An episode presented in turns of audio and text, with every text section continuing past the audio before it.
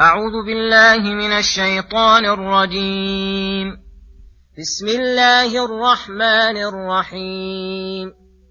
حاميم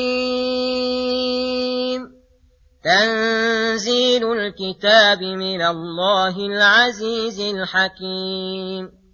ما خلقنا السماوات والأرض وما بينهما إلا بالحق وأجل مسمى والذين كفروا عما أنذروا معرضون قل أرأيتم ما تدعون من دون الله أروني ماذا خلقوا من الأرض أم لهم شرك في السماوات ايتوني بكتاب من قبل هذا أو أثارة من علم إن كنتم صادقين ومن أضل ممن يدعو من دون الله من لا يستجيب له إلى يوم القيامة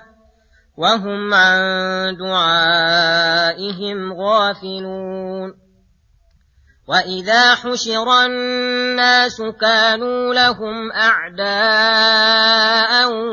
وكانوا بعبادتهم كافرين وإذا تتلى عليهم آياتنا بينات قال الذين كفروا للحق لما جاءهم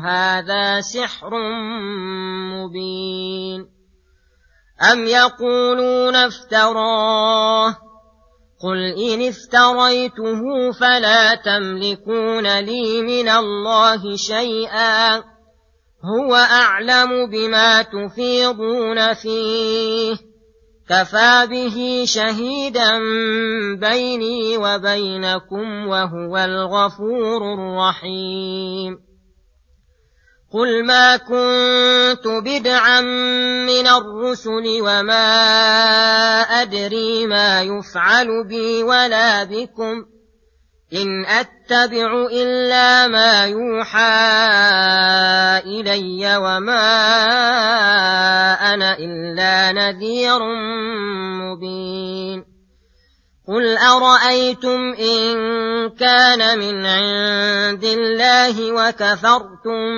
به وشهد شاهد من بني إسرائيل على مثله وشهد شاهد من بني إسرائيل على مثله فآمن واستكبرتم إن الله لا يهدي القوم الظالمين. بسم الله الرحمن الرحيم. السلام عليكم ورحمة الله وبركاته. يقول الله سبحانه حاميم تنزيل الكتاب من الله العزيز الحكيم. هذا ثناء منه تعالى على كتابه العزيز وتعظيم له. وفي ضمن ذلك إرشاد العباد إلى الاهتداء بنوره والإقبال على تدبر آياته. واستخراج كنوزه. ولما بين إنزال كتابه المتضمن للأمر والنهي ذكر خلقه السماوات والأرض فجمع بين الخلق والأمر. ألا له الخلق والأمر.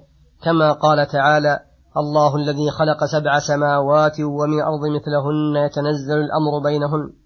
وكما قال تعالى ينزل الملائكة بالروح من أمره على من يشاء من عباده أن أنذروا أنه لا إله إلا أنا فاتقون. خلق السماوات والأرض بالحق. فالله تعالى هو الذي خلق المكلفين وخلق مساكنهم وسخر لهم ما في السماوات وما في الأرض. ثم أرسل إليهم رسله وأنزل عليهم كتبه وأمرهم ونهاهم وأخبرهم أن هذه الدار دار أعمال وممر للعمال لا دار إقامة لا يرحل عنها أهلها. وهم سينتقلون منها إلى دار الإقامة والقرار وموطن الخلود والدوام. فإنما أعمالهم التي عملوها في هذه الدار سيجدون ثوابها في تلك الدار كاملا موفرا. وأقام تعالى الأدلة على تلك الدار وأذاق العباد نموذجا من الثواب والعقاب العاجل ليكون أدعى لهم إلى طلب المحبوب والهرب من المرهوب. ولهذا قال هنا ما خلقنا السماوات والأرض وما بينهما إلا بالحق أي لا عبثا ولا سدى بل ليعرف العباد عظمة خالقهما ويستدلوا على كماله ويعلموا أن الذي خلقهما قادر على أن يعيد العباد بعد موتهم للجزاء وأن خلقهما وبقاءهما مقدر إلى ساعة معينة وأجل مسمى. فلما أخبر بذلك وهو أصدق القائلين وأقام الدليل وأنار السبيل أخبر مع ذلك أن طائفة من الخلق قد أبوا إلا إعراضا عن الحق وصدوفا عن دعوة الرسل فقال والذين كفروا عما أنذروا معرضون. وأما الذين آمنوا فلما علموا حقيقة الحال قبلوا وصايا ربهم وتلقوها بالقبول والتسليم وقابلوها بالانقياد والتعظيم ففازوا بكل خير واندفع عنهم كل شر. ثم يقول سبحانه قل أرأيتم ما تدعون من دون الله؟ أروني ماذا خلقوا من الأرض الآية. أي قل لهؤلاء الذين أشركوا بالله أوثانا وأندادا لا تملك نفعا ولا ضرا ولا موتا ولا حياة ولا نشورا. قل لهم مبين عجز أوثانهم وأنها لا تستحق شيئا من عبادة. أروني ماذا خلقوا من الأرض أم لهم شرك في السماوات؟ هل خلقوا من أجرام السماوات شيئا؟ هل خلقوا, هل خلقوا جبالا؟ هل أجروا أنهارا؟ هل نشروا حياة حيوانا؟ هل أنبتوا أشجارا؟ هل كان منهم معاونة على خلق شيء من ذلك؟ لا شيء من ذلك بإقرارهم على أنفسهم فضلا عن غيرهم. فهذا دليل عقلي قاطع على أن كل من سوى الله فعبادته باطلة.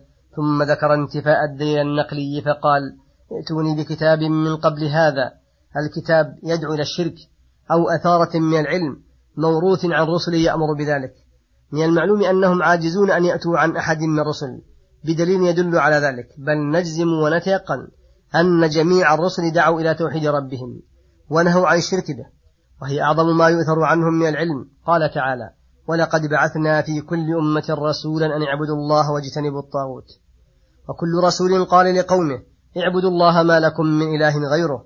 فعلم أن جدال المشركين في شركهم غير مستندين على برهان ولا دليل فإنما اعتمدوا على ظنون كاذبة وآراء كاسدة وعقولهم فاسدة. يدلك على فسادها استقراء أحوالهم وتتبع علومهم وأعمالهم.